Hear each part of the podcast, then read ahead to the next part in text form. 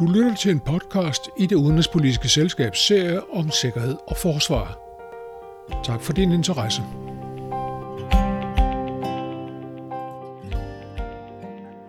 I skyggen af den krig, der raser i den østlige del af landet, mindes ukrainerne det folkelige oprør for 10 år siden, der skabte det Ukraine, som den russiske præsident Vladimir Putin har bekæmpet med militær magt lige siden.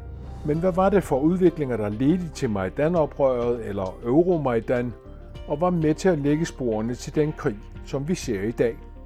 Og hvad fortæller mig den erfaringerne Ukraine og Vesten om, hvordan vi undgår de fejltagelser, der også skete i de forvirrede dage og uger for 10 år siden? Det skal den næste halve time handle om.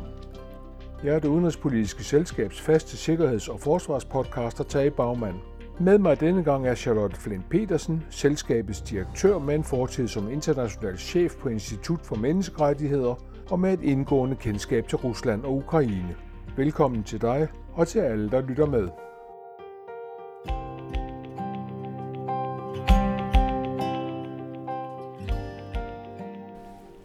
Charlotte, hvor central en begivenhed var den her revolution? Den strak sig over tre måneder. Og set i tilbageblik, hvor central var den for, hvor Ukraine er i dag, og hvor Ukraines forhold til EU og NATO er i dag? Altså Majdan-oprøret, Euromajdan eller Revolution of Dignity, som de også kalder det, var en helt afgørende begivenhed i Ukraines historie på alle på mange fronter, men først og fremmest i og med, at de viste, at de som befolkning ønskede en anden retning. Og på den måde så viste man også, at men, men altså, at det var befolkningen, der ønskede en tilnærmelse til EU. Det var befolkningen, der ønskede en tilnærmelse til NATO. Og at der faktisk var et civilt samfund, som var så stærkt, så man også kunne de, de, lave politisk skal man sige, diktat til det regerende styre. Hvis vi lige prøver at huske os selv på, at der har været to oprør, der har fået Majdan som epicenter. Der var Orange-revolutionen, som ligger næsten 10 år før denne her Euromaidan, og så er der altså Euromaidan. Uh, øh, Orange-revolutionen handlede sådan meget præcis specifikt om protest mod valgsvindel og, og hvad der blev set som uh, udemokratiske metoder. Majdan-oprøret, eller Euromajdan, hvor meget af det var en protest mod det styre, der var? Hvor meget af det var en protest for et stærkere civilsamfund, retsstat, god regeringsskik osv., og hvor meget var så retningsvalget øst-vest? Altså, Euromaidan handlede om, og det var også derfor, det hedder Euromaidan, det handlede om, at Janukovic havde sagt nej til den her øh, samarbejdsaftale med EU, altså handelssamarbejdsaftale med EU, der ville have bragt Ukraine tættere på EU. Og det var den egentlige anledning, fordi at de studerende, som først gik på, på gaden i november, de ville ikke fratages deres øh, mulighed for en tættere, altså at et land kom tættere på EU. Så det var i virkeligheden en meget klar tilkendegivelse af, af en udenrigspolitisk retning, der kiggede mod EU. Men hvad var det, der var eftertragtesværdigt? Altså hvad var det, der var så vigtigt ved EU? Jamen det var sådan set, at EU var styret af nogle principper, som handlede om demokrati og retsstatsprincipper. Og det var sådan set det, man ønskede fra de studerendes side. Og senere hen blev det også det, som man ønskede for alle dem, som også kom frem på Majdan. Og det var jo ikke kun Majdan Kiev, men det var nogle, altså på pladser over det meste af Ukraine. Men hvis man nu sætter sig i øh, præsident Janukovics sted, kunne han så ud fra en folkelig stemning havde have anet, at flertallet gerne ville mod vest? Det var jo ikke spurgt tydeligt i de, øh, i de meningsmålinger, der blev gennemført, at, at, at man entydigt søgte mod vest, men at, at flertallet måske lå et eller andet sted midt imellem og sagde, gerne et godt forhold til dem, til, til, til begge sider, både til Rusland og til EU. Øh, og NATO var der jo ligesom aldrig noget rigtigt flertal for. Så, så kunne han have anet, at han var i utakt med, med befolkningen? Øh, ja, det kunne han, og det var også derfor, det tog ham så lang tid øh, at tage beslutningen om ikke at, at underskrive den her aftale. Det var en forhandling, der var pågået i rigtig, rigtig lang tid. Det skulle være ligesom blevet afsluttet ved de her EU-topmøde i Vilnius, men hvor han så trak sig i sidste øjeblik. Men, og det blandt, skyldes blandt andet også den her sag om den tidligere premierminister Timoshenko, som var blevet fængslet af Janukovic, hvor, hvor EU øh, sagde, at en af betingelserne for øh, at lave den her samarbejdsaftale, det er sådan set, at du løslader Julia Timoshenko. Øh, så det var også en del af ligningen. Men oven i det, så kom der så også et tilbud fra Rusland om, at de fordele, der vil være for Ukraine i at indgå en, en, en aftale med EU, den vil Rusland så også gerne opveje rent økonomisk.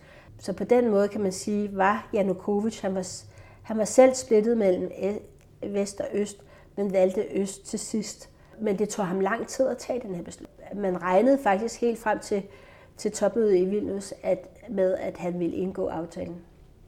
Når vi så ser på de kræfter, der udfoldede sig i denne her revolution, hvem var så de drivende der? Hvem var spillerne?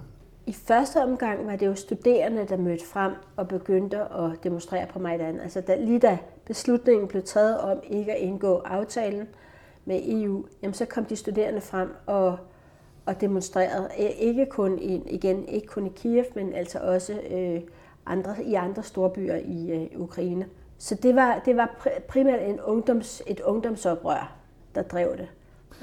Hvilken rolle spillede øh, den her tv-kanal TV5, som var ejet af den senere præsident Poroshenko?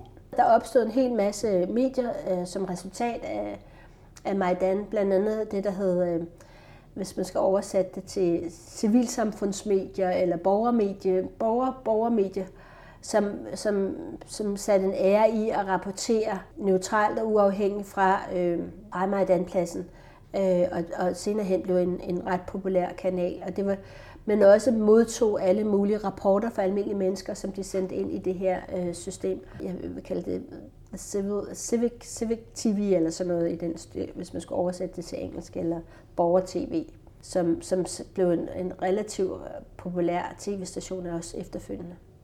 Men jeg ved ikke, hvilken rolle øh, Parashenko, jeg ved, at Parashenko hele tiden spillet en vigtig rolle. Og Parashenko, ham som så blev præsident senere hen, han er, tilhører jo en af de oligarker, chokoladekongen kalder man ham også, som netop har et, øh, kom fra den vestlige del af Ukraine. Man har nemlig selv sagt, at, øh, at der samledes et par tusind mennesker på, på Majdan, men da hans kanal, som han ejede, den der TV5, da den begyndte at fortælle om historien, så stod der pludselig 30.000, og derfor tager han selv lidt æren for, at han har sat det her i gang. Men, men han var jo ikke, øh, du siger, han, han var fra det vestlige Ukraine, men han var vel ikke ideolog, han var vel nærmest en pragmatiker, eller en populist måske? Mm, jeg vil hellere sige, at han var måske sådan en, en konservativ ukrainsk politiker, Øh, der var et interview med ham på CNN fra før Majdan, hvor han ligesom udtalte, at øh, det han håbede for Ukraine, det var, at, øh, at Ukraine ville blive til øh, en, en stat, der byggede på retsstatsprincipper og, og demokrati, og, og det var ligesom hans ambition med Ukraine. Men, men man skal forstå, altså Parashenko øh, var en præsident, som ønskede, og han blev en præsident, og han var også en spiller på, på Majdan. Og, og man må, jeg tror, man skal, det man skal forstå, det var, at oligarkerne i Ukraine, og der, det er jo de her rigmænd, som ikke kun er rigmænd, men også er medie, har ejer hver deres medieimperium og øh, har en, øh, en, ejer også en hel del, eller ejet en hel masse politikere i, i den øh, øh ukrainske rette, som er deres parlament de spiller forskellige roller, og det, der sker under Majdan, det er, at der er nogle af øh, oligarkerne, der beslutter sig for at slutte op om Majdan, og så er der nogen, der beslutter sig for ikke at gøre det. Og dem, som ikke gør det, det er også nogle af dem, som har rødder i de øh, områder af Ukraine, som senere hen bliver annekteret øh, af Rusland, eller opstår som sådan nogle øh, Øh, separatistbevægelser i, i det her. Så alle de regioner, som i dag er en del af Ukraine, jamen, der var også opbakning fra de oligarker. Det var sådan set også øst. Det var Dnipro, øh, det var også Østland, det var også Odessa, som også regnes for at være sådan primært russisktalende. Så, så det er ikke sådan, at man kan sige, at det jo entydigt var kun det vestlige Ukraine. Det var sådan set også øh, Ukraine øh, øst for Dnipro, altså floden Dnipro, som man plejer at sige, del af Ukraine i øst og vest. Alligevel, hvis man ser på de valg, der har været, og på de valgresultater, der så kom ud af det, også de valg, som blev betragtet af, af alle internationale observatører som forholdsvis fri og færre, så kan man jo se, at øh, den her splittelse øh, øst-vest er forholdsvis statisk, hvis man ser på, hvem der stemte på, på øh, Janukovic, øh, som altså blev fældet ved Majdan, og hvis man ser, hvem der stemte på øh, Poroshenko øh, ved det efterfølgende valg, øh, så kan man jo tydeligt se, at der går en, en linje ned gennem øh, Ukraine, en øst-vest-linje, hvor Janukovic hentede 60-70 procent af stemmerne i, i øst, og øh, næsten ingenting i vest. Der var det omvendt med Poroshenko. Det kunne lede en frem til at spørge om de mennesker og de bevægelser, der, der spillede en rolle i Majdan, øh, Euromajdan, om de havde nogen forestilling om, hvordan man kunne overvinde den her polarisering, der var blevet tydelig. Altså, min opfattelse, det var jo op mod 4 millioner mennesker, som på et eller andet tidspunkt var involveret i Euromaidan. Det er jo en ganske stor del af, den, af en befolkning på 40 millioner, lad os sige det. Min opfattelse var, at der hvor skillelinjen i virkeligheden går, det går imellem, hvad er det for et type samfund, du gerne vil have.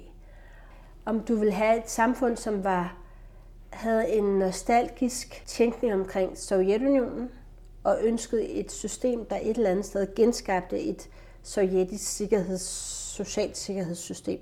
Eller du havde en, et ønske om at skabe en ny stat, der byggede på retsstatsprincipper og, og demokrati, øh, også selvom man ikke helt var klar over, hvad et demokrati egentlig var. Øh, og det er virkelig den splittelse, der er. Øh, og jeg har for eksempel snakket med folk i Odessa, som har helt klart russisk øh, baggrund, men som sagde, at for os små mennesker er der kun et sted, hvor vi på lang sigt kan være sikre på, at vores interesser bliver varetaget. Og det er i EU, altså Ukraine i EU. Fordi at vi kan jo godt se, hvad der sker i Rusland. Det er øh, russernes, øh, de rige russer sender deres børn til EU for at gå i skole. Hvorfor er det så, at de ikke ønsker, at Ukraine skal være et en europæisk stat. Altså for mig at se, så handler det meget mere om et system, altså hvad er det for et system, man ønsker. Og der kan man sige, at det østlige Ukraine, det var, det var mine minebyer, og det er en stor industri og sværindustrien, og mange borgere, som ikke har en klar ukrainsk identitet, men primært måske er, er, er, er industriarbejdere som deres primære identitet, eller militærfolk som deres primære identitet. Og de har måske en, i overvejende grad en tænkning omkring at genskabe en form for sovjetisk øh, velfærdsstat, som, som man, man så det, og forudsigelighed, der lå i det sovjetsystem, og var måske ikke så interesseret i, i, i sådan nogle abstrakte begreber som demokrati og, og retsstatsprincipper. Men i virkeligheden tror jeg, at for rigtig mange mennesker på Majdan, som var i løbet af tre måneder 4 millioner mennesker, og hele den sociale mobilisering, der skete der, øh, handlede det om at komme ud af de her øh, kleptokratiske tænkninger og kleptokratier og altså øh, korrupte politikere og, og alt det her. Og det er jo det, som et muligt øh, tilnærmelse til EU eller kandidatstatus i EU vil give et lille håb om.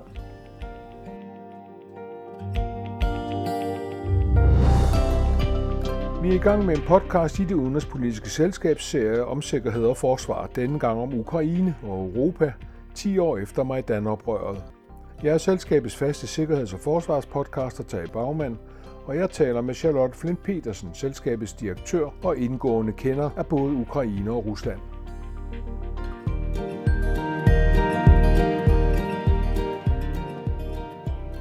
Charlotte, hvis vi så forestiller os, at der på det tidspunkt altså for 10 år siden, havde været en en udsigt til et begyndende Øh, medlemskab i EU for Ukraine.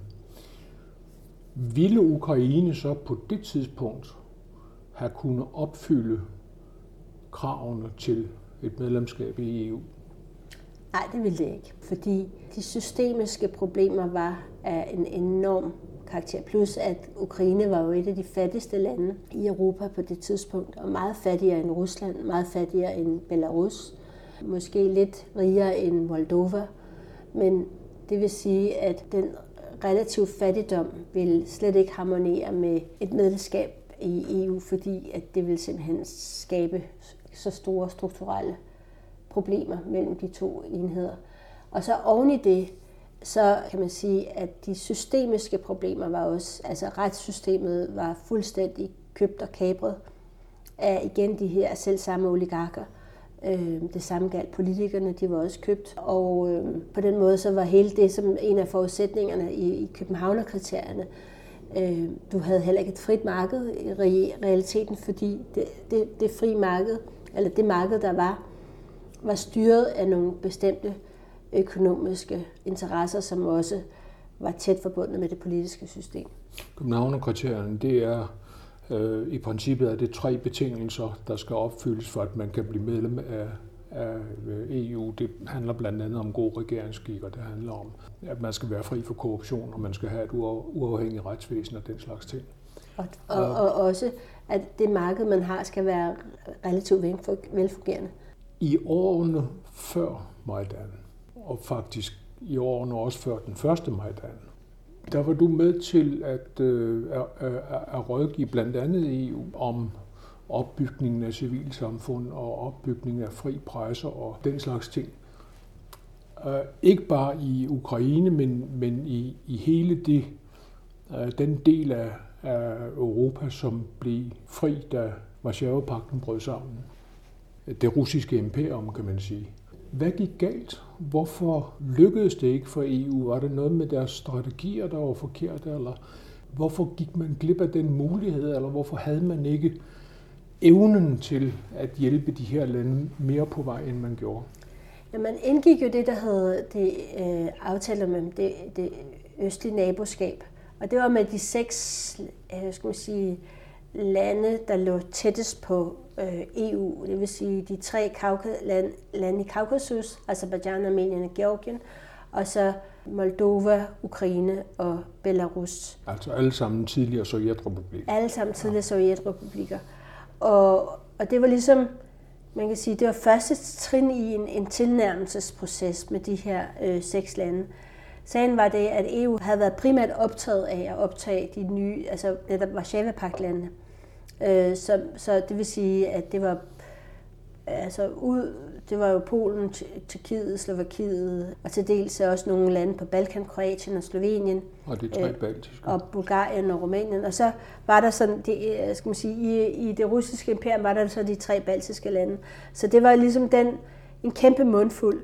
Så derfor øh, tror jeg, at man havde slet ikke overskud til at, at, at over, overhovedet overveje øh, medlemskab for de her seks øh, østlige naboskabslande. Så jeg vil ikke sige, at noget gik galt. Jeg vil sige, at de her lande var slet ikke klar til det heller. De, da de kom ud af Sovjetunionen, så var det jo ligesom første gang, de begyndte at etablere sig selv som selvstændige stater. Og øh, øh, i starten lå de meget tæt på på Rusland og, og, og også russisk udenrigspolitik og russisk tænkning. Og man skal forestille sig, at al udenrigspolitik tidligere udgik fra Moskva, så de, havde slet ikke, de var slet ikke vant til at tænke i egne interesser og egne strukturer, og deres eliter var uddannet i Moskva, så det vil sige, at der var meget tætte forhold. De, deres eliter var, havde været en del af det sovjetiske kommunistiske parti, så hele den der, skal man sige, frigørelsesproces, den begyndte måske reelt øh, 30 år efter. Altså 30 år efter murens fald. Der var selvfølgelig elementer af det, øh, og der opstod efterhånden nationale eliter i alle landene, som havde deres egen identitet. Og med ukrainerne, der var den nationale identitet, ukrainske nationale identitet stærkest i Vestukraine. Men den var i den grad affødt eller næret af, at det, der skete med ukrainerne under Stalin-tiden. det, der hed den store hungersnød, Holodomor, øh, hvor 6 millioner mennesker, eller op mod 6 millioner mennesker, dør af sult. Øh, og oven i det, altså den nationale elite, der bliver sendt afsted til Sibirien og dør i Sibirien og bliver, altså er kommet sidder i fangelejre i Sibirien. Det, der er foregået i forhold til det at være ukrainer, som en del af det sovjetiske system, var med til at nære den nationalisme, som Majdan også er et udtryk for. Hvis vi så ser på, hvad der fulgte efter Majdan.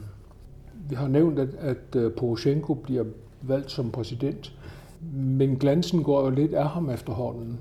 Dels så øh, inviterer han øh, nogle ikke særlig behagelige typer fra Hviderusland ind, sådan mere i den fascistiske afdeling. Dels så, øh, så snubler han jo i, øh, i afsløringerne af Panama-papirerne, der viser, at hele hans store fortælling om, at han afvikler sit øh, forretningsimperium, fordi han er den ærlige leder osv., det faldt ligesom sammen, da man opdagede, at han, øh, at han lavede aktieselskaber med, i forskellige skattely rundt om i verden, især i Panama altså.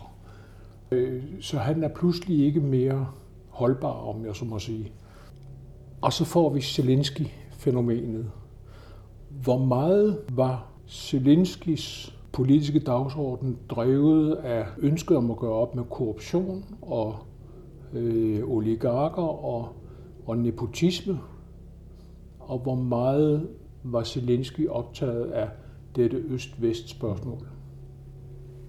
Jeg tror, det er svært at, ligesom at sige, hvor meget, altså procentvis, eller hvor meget, øh, men jeg tror, at øh, Altså, Zelensky kom jo op, altså vandt på en platform, der handler om bekæmpelse af korruption, på grund af den tv-serie, som han spillede, hvor han ligesom spillede den her skolelærer, der bliver øh, præsident nærmest ved en tilfældighed, på baggrund af hans sådan, brandtale imod korruptionen i landet. Så korruptionen var helt klart en, en vigtig dimension i hans politiske platform. Men det, som han også vinder på, det er blandt andet, at han siger, at jeg skal skabe fred med Rusland, jeg skal skabe fred med de her udbryderrepublikker, sådan så at vi kan begynde at bygge en normal stat. Jeg brugte brugt meget tid på at forsøge at forstå Zelensky inden, han, inden krigen. Fordi han var ikke sådan, altså han var slet ikke Parashenko, som man siger. Parashenko var en oligark, der blev præsident, og som kun kunne øh, iværksætte reformer til et vist niveau. Altså det holdt op der, da det begyndte at gå ondt på ham selv og hans andre medoligarker. Så kunne han ikke, så kunne reformerne ikke rigtig blive iværksat dybere. Zelensky har et tæt forhold til en oligark, Kolomoisky. Og i lang tid så spekulerede man på, om, om det var virkelig det, der var den bagvedliggende ting. Øh, men han endte jo med at gøre op med sin, skal man sige, herre, og ikke Øh, underlægge sig hans magt. Det, som jeg tolker Zelensky, det er, at han i virkeligheden er en, er en form for entreprenør. Han havde sit eget produktionsselskab. Måden, han regerede på, det var at udspille altså, helt enormt meget lovgivning, som slet ikke var gennemarbejdet. Og det vil sige, at alle blev forvirret over, hvad der skete, og alle følte sig lidt underkendt, også civilsamfundet, som sad der med hele ekspertisen på en lang række områder, og som ikke blev hørt, hvor, som de tidligere var blevet i årene efter Majdan. Og derfor var der sådan meget usikkerhed om egentlig altså Zelenskis politiske projekt. Men man kan i hvert fald sige så meget som, at de reformer, som var blevet startet, de blev, blev holdt man fast i. Om det var decentraliseringen og gennemførelsen af, af frie lokalvalg, om det var Øhm, øh, reformer af, i forhold til anti-oligark-systemer. Så jo, Zelensky han, han, han gjorde de ting. Problemet var bare, at han måske ikke var nogen særlig erfaren politisk leder. Og derved skal, og han havde han arbejdede med sådan lidt, sådan lidt et, et meget hurtigt produktionsselskabstænkning, og ikke så meget et langsigtet strategisk fokus.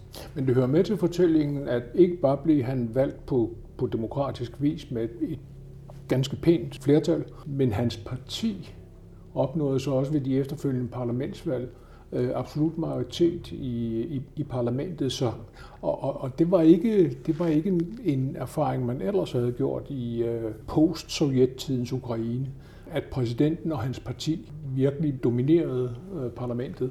Øh, så han havde jo en, en mulighed for at gøre de ting, du siger. Men han havde nok ikke forestillet sig, at han skulle ende med at blive en krigspræsident.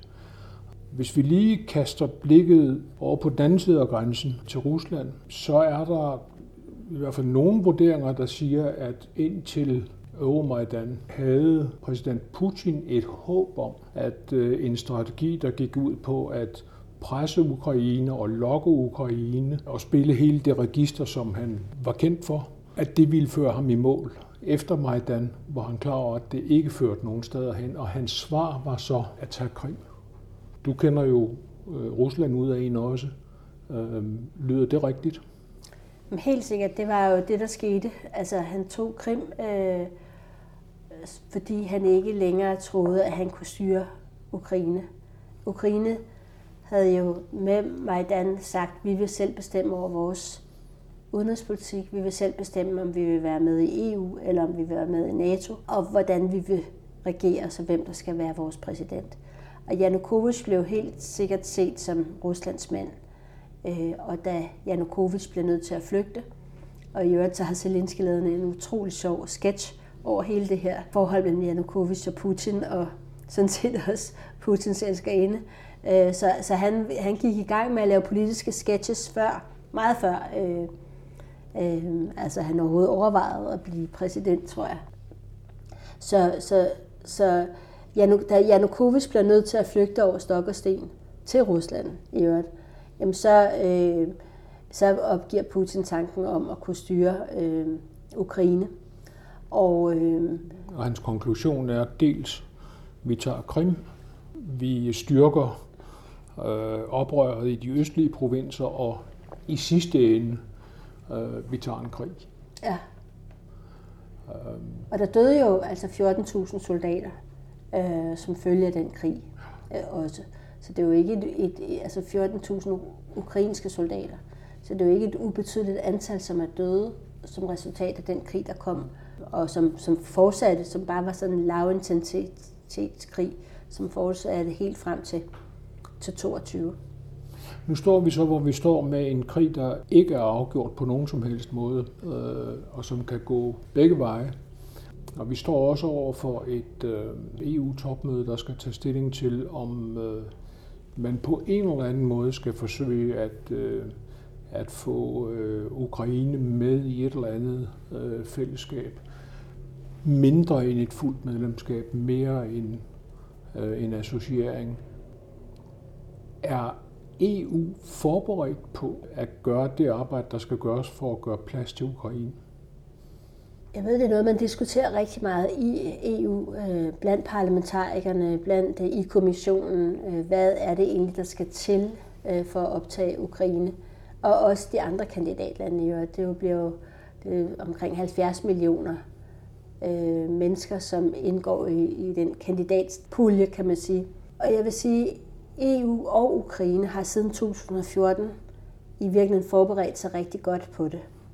Altså blandt andet har man øh, på, på både i Ukraine og meget, meget med, med sådan, skal man sige, øh, understøttet af det ukrainske civilsamfund, som ligesom nedsatte sig i nogle grupper på vigtige reformområder, som, og både agerede som eksperter og som øh, vagthunde i forhold til regeringen, i forhold til at hele tiden sikre fremdrift på de her områder. Og EU har på deres side tilsvarende været inde over de vigtigste reformområder med penge, med ekspertise, med mand, med politisk dialog. Og på den måde kan man sige, at civilsamfundet, dygtige embedsfolk i Ukraine og EU-embedsfolk har sådan set arbejdet hen imod den situation, vi er i i dag. Og det gælder reformer af retssystemet. Det handler om et helt system for, for korruptionsbekæmpelse, som ikke er set noget sted før, men som er ret enestående. Det handler om en, en, en public broadcaster, altså DR, som er blevet reformeret. Det handler om decentraliseringsreform øh, og øh, kommunalreform i det hele taget, som har flyttet kompetencer fra Kiev ud i, øh, ud i de lokale øh, kommuner, øh, øh, og hvor der har været afholdt lokalvalg, hvor der er kommet nye politikere ind, hvor der er nyt civilsamfund, der er opstået, hvor der er nye medier, der er opstået til at monitorere alt det her. Og det handler om, om øh, sundhedsreform, det handler om reform af altså nærmest alle de vigtigste sektorer, man overhovedet kan forestille sig. Det er foregået siden 2014. Der er, du har haft øh, altså to store parlamentsvalg, som har helt har udskiftet den parlamentariske forsamling. Det er selvfølgelig stadigvæk uøvede politikere, men det er politikere, som ikke i samme omfang er i hænderne på nogle bestemte oligarker. Så den der politiske kapring af systemet, eller den økonomiske kapring af det politiske system, bliver hele tiden undergravet. Der er hele tiden nogle kræfter, der går tilbage, men der er også hele tiden nogle kræfter, der, under, der, der, der opløser det. Og nu med krigen er det helt opløst. Og man kan også se, hvis du kigger på befolkningens øh, skal man sige, tålmodighed over for korruption, så er den der er ingen tålmodighed over for korruption i dag.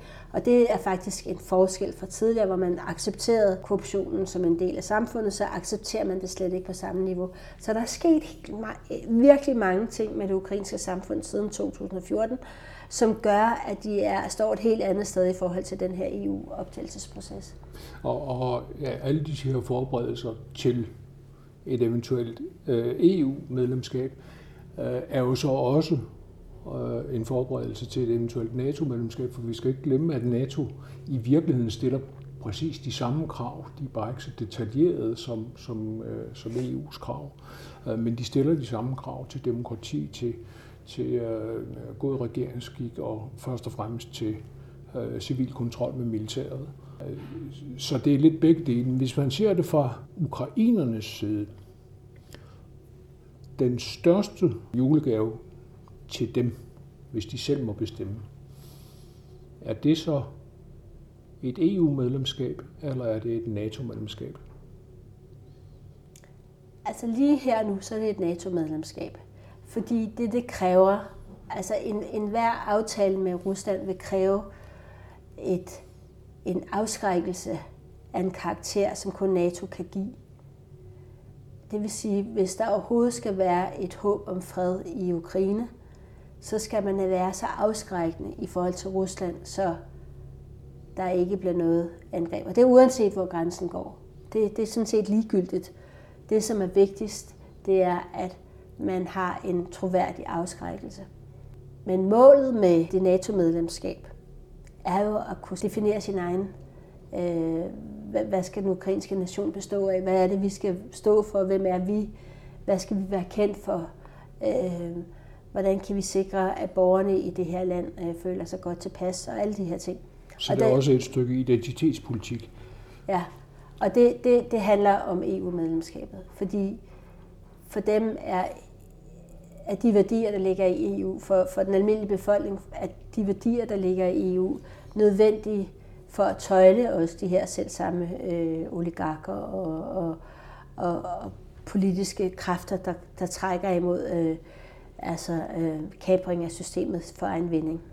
Men er situationen omkring Ukraine så kritisk, at EU og NATO må overveje, om de skal give køb på nogle af de her principper, øh, finde nogle måder, der ikke helt ligger i reglementet for at få sat en optagelsesproces i gang. Alligevel, man hører sådan nogle toner om, at øh, måske kan vi finde en måde, der gør, at vi ikke skal have enstemmighed helt, når det drejer sig om Ukraine osv. Øh, er vi derhen, hvor vi er nødt til at gå på kompromis for det, for det større gode at, at få sikret Ukraine? Øh, nej, det, det mener jeg egentlig ikke. Altså, jeg, jeg tror ikke, at Ukraine er, er, er værre end de baltiske lande var, da de blev optaget, eller Polen var for den sags skyld, da det, det blev optaget. Jeg tror, at Ukraine er, er på nuværende tidspunkt dybt motiveret øh, til at blive medlem, og derved også parat til at gøre det, der skal gøres. Og som øh, den tidligere estiske præsident Ilves sagde her for nylig i det udenrigspolitiske selskabs øh, der sagde han blandt andet det her med, at den vigtigste, altså Zelenskis vigtigste forhand, altså dem, der er sværest for ham at forhandle med, det er sådan set ikke EU. Det er med sine egne embedsmænd. Fordi de skal forstå, og sin egen befolkning, de skal forstå, hvad det, egentlig, altså, hvad det vil kræve at blive en del af EU.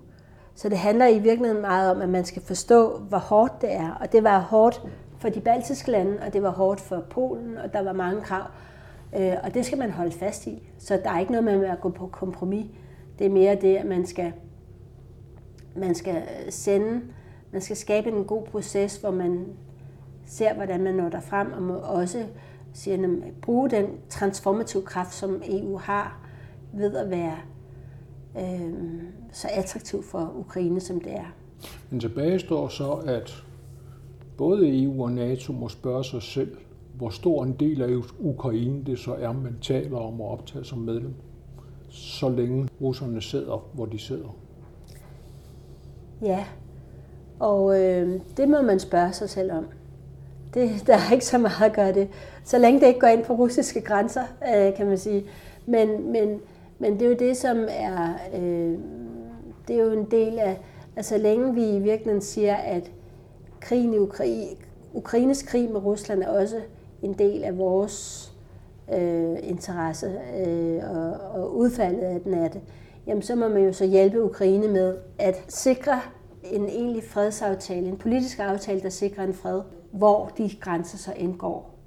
Og det, det handler jo meget om, hvad der sker på slagmarken. Og det handler om, øh, hvornår Rusland er klar til den aftale, og det er de åbenbart ikke i dag. Men jeg synes også, det handler om, at vi leverer en tilstrækkelig system for afskrækkelse til Ukraine, så de kan få en politisk aftale med, med Rusland.